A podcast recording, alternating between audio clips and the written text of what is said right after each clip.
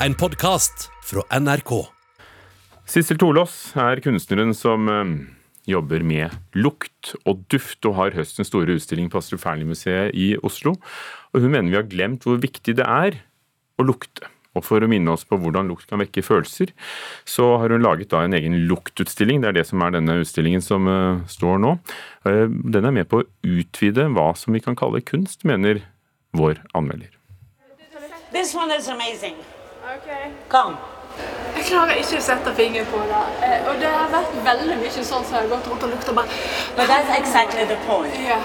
There is no words No. for smell, so there's no words in the exhibition. Hva lukter fremmedfrykt? Og klarer du å beskrive lukta av penger? På den nye utstillingen til kunstner Sissel Tolås kan du oppleve begge deler. Hun har laget en luktutstilling, og mener vi har glemt hvor viktig luktesansen faktisk er. We are equipped with amazing interfaces called the senses, and we seem to have neglected the sense of smell is the most important one. Without breathing, we are dead. Jeg fikk bli med henne på en omvisning på Astrup Fearnley-museet på Tjuvholmen i Oslo.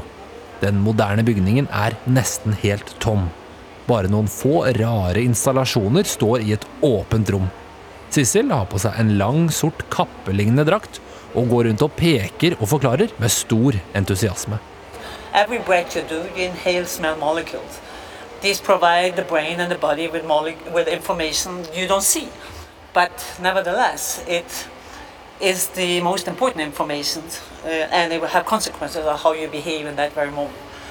Tolås er egentlig norsk, men etter å ha jobbet utenlands med lukt i rundt 30 år og tatt en doktorgrad i biologisk kjemi, vil hun helst snakke engelsk når hun går rundt og forteller om utstillingen. Under omvisningen legger hun seg ned på gulvet flere ganger og krabber rundt. De klassiske ikke rør-skiltene man finner på andre museer, er ikke å se noen steder. Her skal man ta, lukte og føle på ting. I'm giving instruction to the host. I said, You're not here to guard this, you're here to share your experience with the exhibition to the audience, not just watch it and tell what's right or wrong. Men når ble det sånn at en kunstutstilling ikke trenger å være noe fysisk man kan se på? Skal det ikke være masse bilder på en vegg?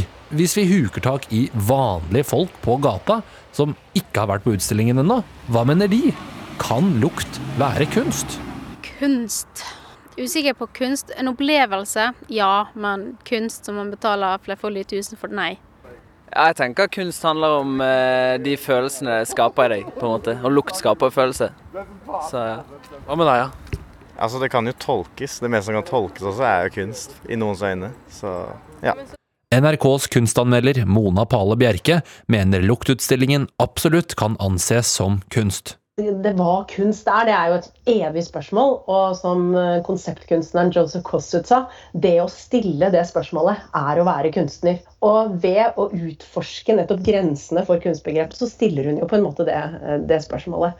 Og jeg tenker at det er kanskje litt, eh, litt foreldet forestilling, det at det må være noe visuelt. Kunst eller ikke, utstillingen til Sissel Torlås er i hvert fall noe helt nytt og overraskende. Som eksempel inngangsbilletten. Ikke en papirbit, men en liten flaske hvor lukten av penger er konsentrert. Hvis du vil, kan du bruke billetten til en tur i den flytende badstuen utenfor museet og dampe deg i lukten av penger. Og eventuelt vaske pengelukta av deg etterpå. Yeah. Oh my god, look, she is sweating money! Woohoo! Bravo! It's all over. You feel richer now? Føler du deg rikere? Sissel Torlås i aksjonen på Tjuvholmen i Oslo, reporter Torvald Askim. Det er eh, samisk språkuke nå, og målet med uka er bl.a. å øke kunnskapen om det samiske språket og kulturen i hele samfunnet. Og artist og bokaktuelle Ella Marie Hetta Isaksen, god morgen og velkommen til Nyhetsmorgen. Jo, takk skal du ha. Eh, Hvorfor er denne uka så viktig? Den er jo viktig for oss som har samisk som morsmål, for å se at vårt hjertespråk er representert bedre i samfunnet. Det øker jo vår stolthetsfølelse og vår tilhørighet. Det er også viktig for alle som lærer seg samisk, for å bli motivert og se at det finnes et levende samiskspråklig samfunn der ute. Og ikke minst så er det jo, som du nevner, eh, det viktigste for meg at majoritetsbefolkninga blir, blir bevisst på at eh, Norge er grunnlagt på territoriet til også det samiske folk. og, og, og det, det, er jo noe jeg mener ligger altfor langt bak i bevisstheten til mm. den majoritetsbefolkningen i Norge. da. Og Hva kan denne bevisstheten bidra til? Nei, altså, Du kan jo i dag gå gjennom hele skolesystemet i Norge, fra grunnskolen og til og med ta høyere utdanning, og, og, og ikke lære om de grunnleggende tingene om, om urfolkskulturen i, i Sápmi. Eh, og mennesker går jo videre til å bli, bli eh, dommere, lærere, jobbe i, i, i, barnevern, jobbe for å forvalte våre rettigheter. Så det er jo klart at for oss er det jo viktig at om det skal være en rettferdig forvaltning av bl.a. våre rettigheter, så må jo også dem som forvalter de her rettighetene, eh, kunne iallfall grunnleggende ting om, om, vår kultur og, og vårt folk. Mm. Og så er jo språket, Det samiske språket er utrydningstrua, står på Unescos eh, liste. Men det er håp bl.a. pga. unge samers engasjement, står det på den samiske språkuka sin nettside. Eh, hvor viktig er sånne markeringer for deg som ung same? Jeg må først rette deg og si at det er ti forskjellige samiske språk, ja. og alle dem er på Unescos eh, liste over utrydningstrua språk. Mm. Det er jo kjempeviktig at vi får i gang tiltak eh, som nå da arrangert av Sametinget, for at vi skal, vi skal, få et ekstra gir til å synliggjøre det samiske språket. Nå chatter jeg med folk på samisk eh, over hele internett og på Instagram, og det, det gjør mye med meg, fordi språkkampen er veldig reell for oss, og den preger oss i alle valg vi tar i hverdagen hverdagen. Eh, og, språket det er så viktig for vår identitetsfølelse og hvem vi er. Det forteller så mye om, om, om hvor vi kommer fra. Så, så, det er grunnleggende ting det er snakk om. og det, det, er viktig for meg personlig også, som ung same, at, at, at eh, samisk språkuke finnes. Mm, ja, og Du er også ute med en bok nå som heter 'Derfor må du vite at jeg er same'. Eh, og hva er forklaringa på det? Hvordan, hvorfor må man vite at du er same? Nei, Jeg mener jo at du lærer mye om deg sjøl ved å lære om meg og min historie. fordi at den samiske historien eh, er, jo, er, jo, felles med den norske. og, og, og det er, mye den norske majoritetsbefolkningen ikke er klar over når det gjelder sin egen historie som kolonimakt. Eh, og Det mener jeg skaper store problemer i dagens samfunn. Hvis vi ikke tar et skikkelig oppgjør med den fornorskningsprosessen som er ført over i hundrevis av år, så vil konsekvensene av den politikken få leve videre, noe vi ser i dag. Så jeg vil med denne boka bidra til at vi får et bedre felles kunnskapsgrunnlag å gå ut fra eh, når vi skal ta bedre valg og sameksistere i fremtida. Men du er jo ung og stolt same. Er det mange som syns det er vanskelig å være samisk? Ja, det, det, er det absolutt. Og selv jeg med en så eh, sterk kulturell forankring fra barndommen av, har jo opplevd eh, å bli påført skam i, i skolesystemet. Hvordan da? Mm, nei, Jeg er blitt fortalt bl.a. av lærere at, at, uh, at, jeg er hårsår hvis jeg tar opp noen ting som har med, med, med samskultur å gjøre i, i, timen, eller at jeg må slutte å, å gråte over forskningsprosessen fordi at det er urfolk i, i, verden som har det mye verre enn oss. Så det er jo sånne ting jeg er blitt fortalt av lærere eh, foran en hel klasse og, blitt eh, gjort til skam sånn sett. Um, men, eh, men med denne boka så ønsker jeg at, at, at folk skal ja, jeg vil veldig gjerne bidra til forståelse da, mellom det norske og det samiske folket, og, og forhåpentligvis også en dag forsoning. Mm. Samisk språkuke, altså. Eh, Ella Maria Hetta Isaksen, takk for at du var med i Nyhetsmorgen. Tusen takk. Let me take you down, cause I'm going to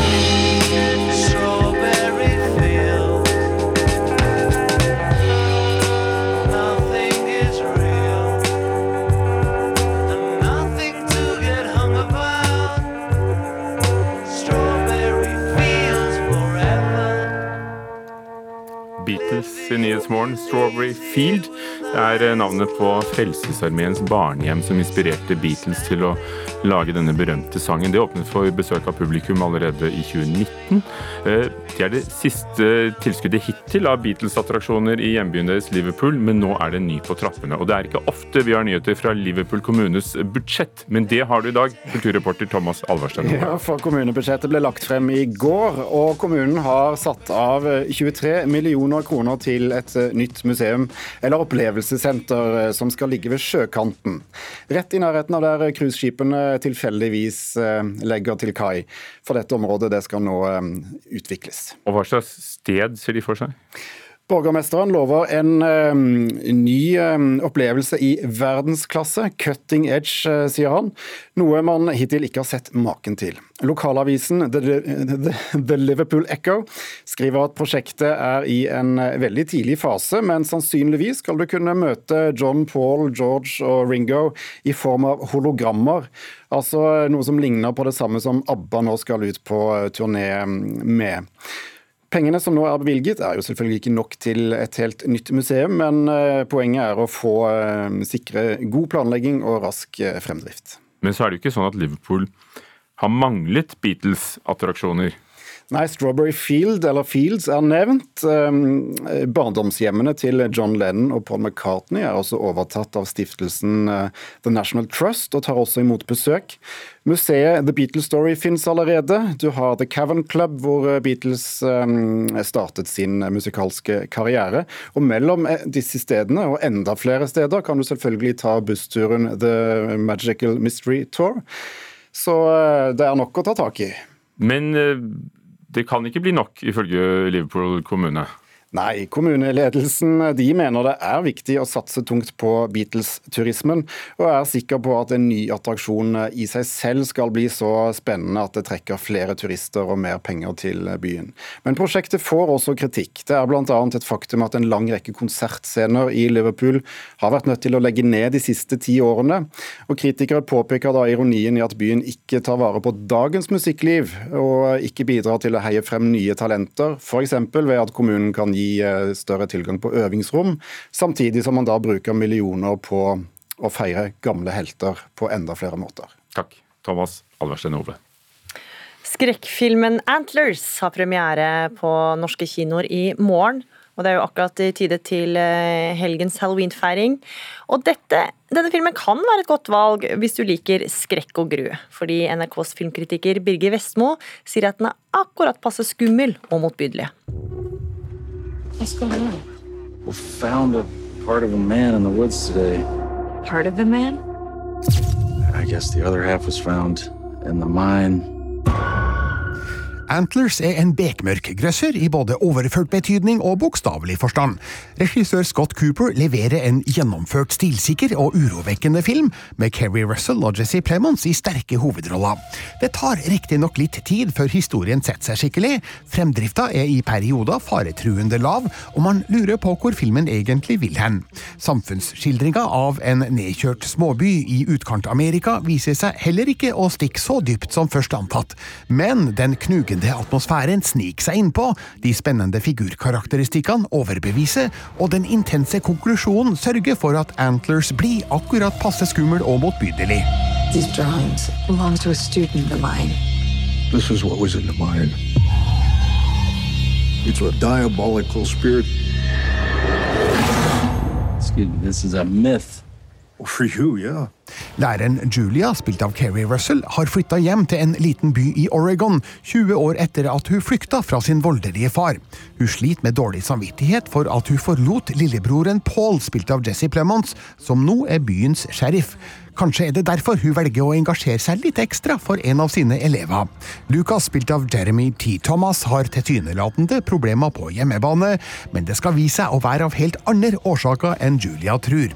Faren og lillebroren er nemlig ramma av en overnaturlig forbannelse, som manifesterer seg på en grotesk måte, som filmens tittel gir en indikasjon på.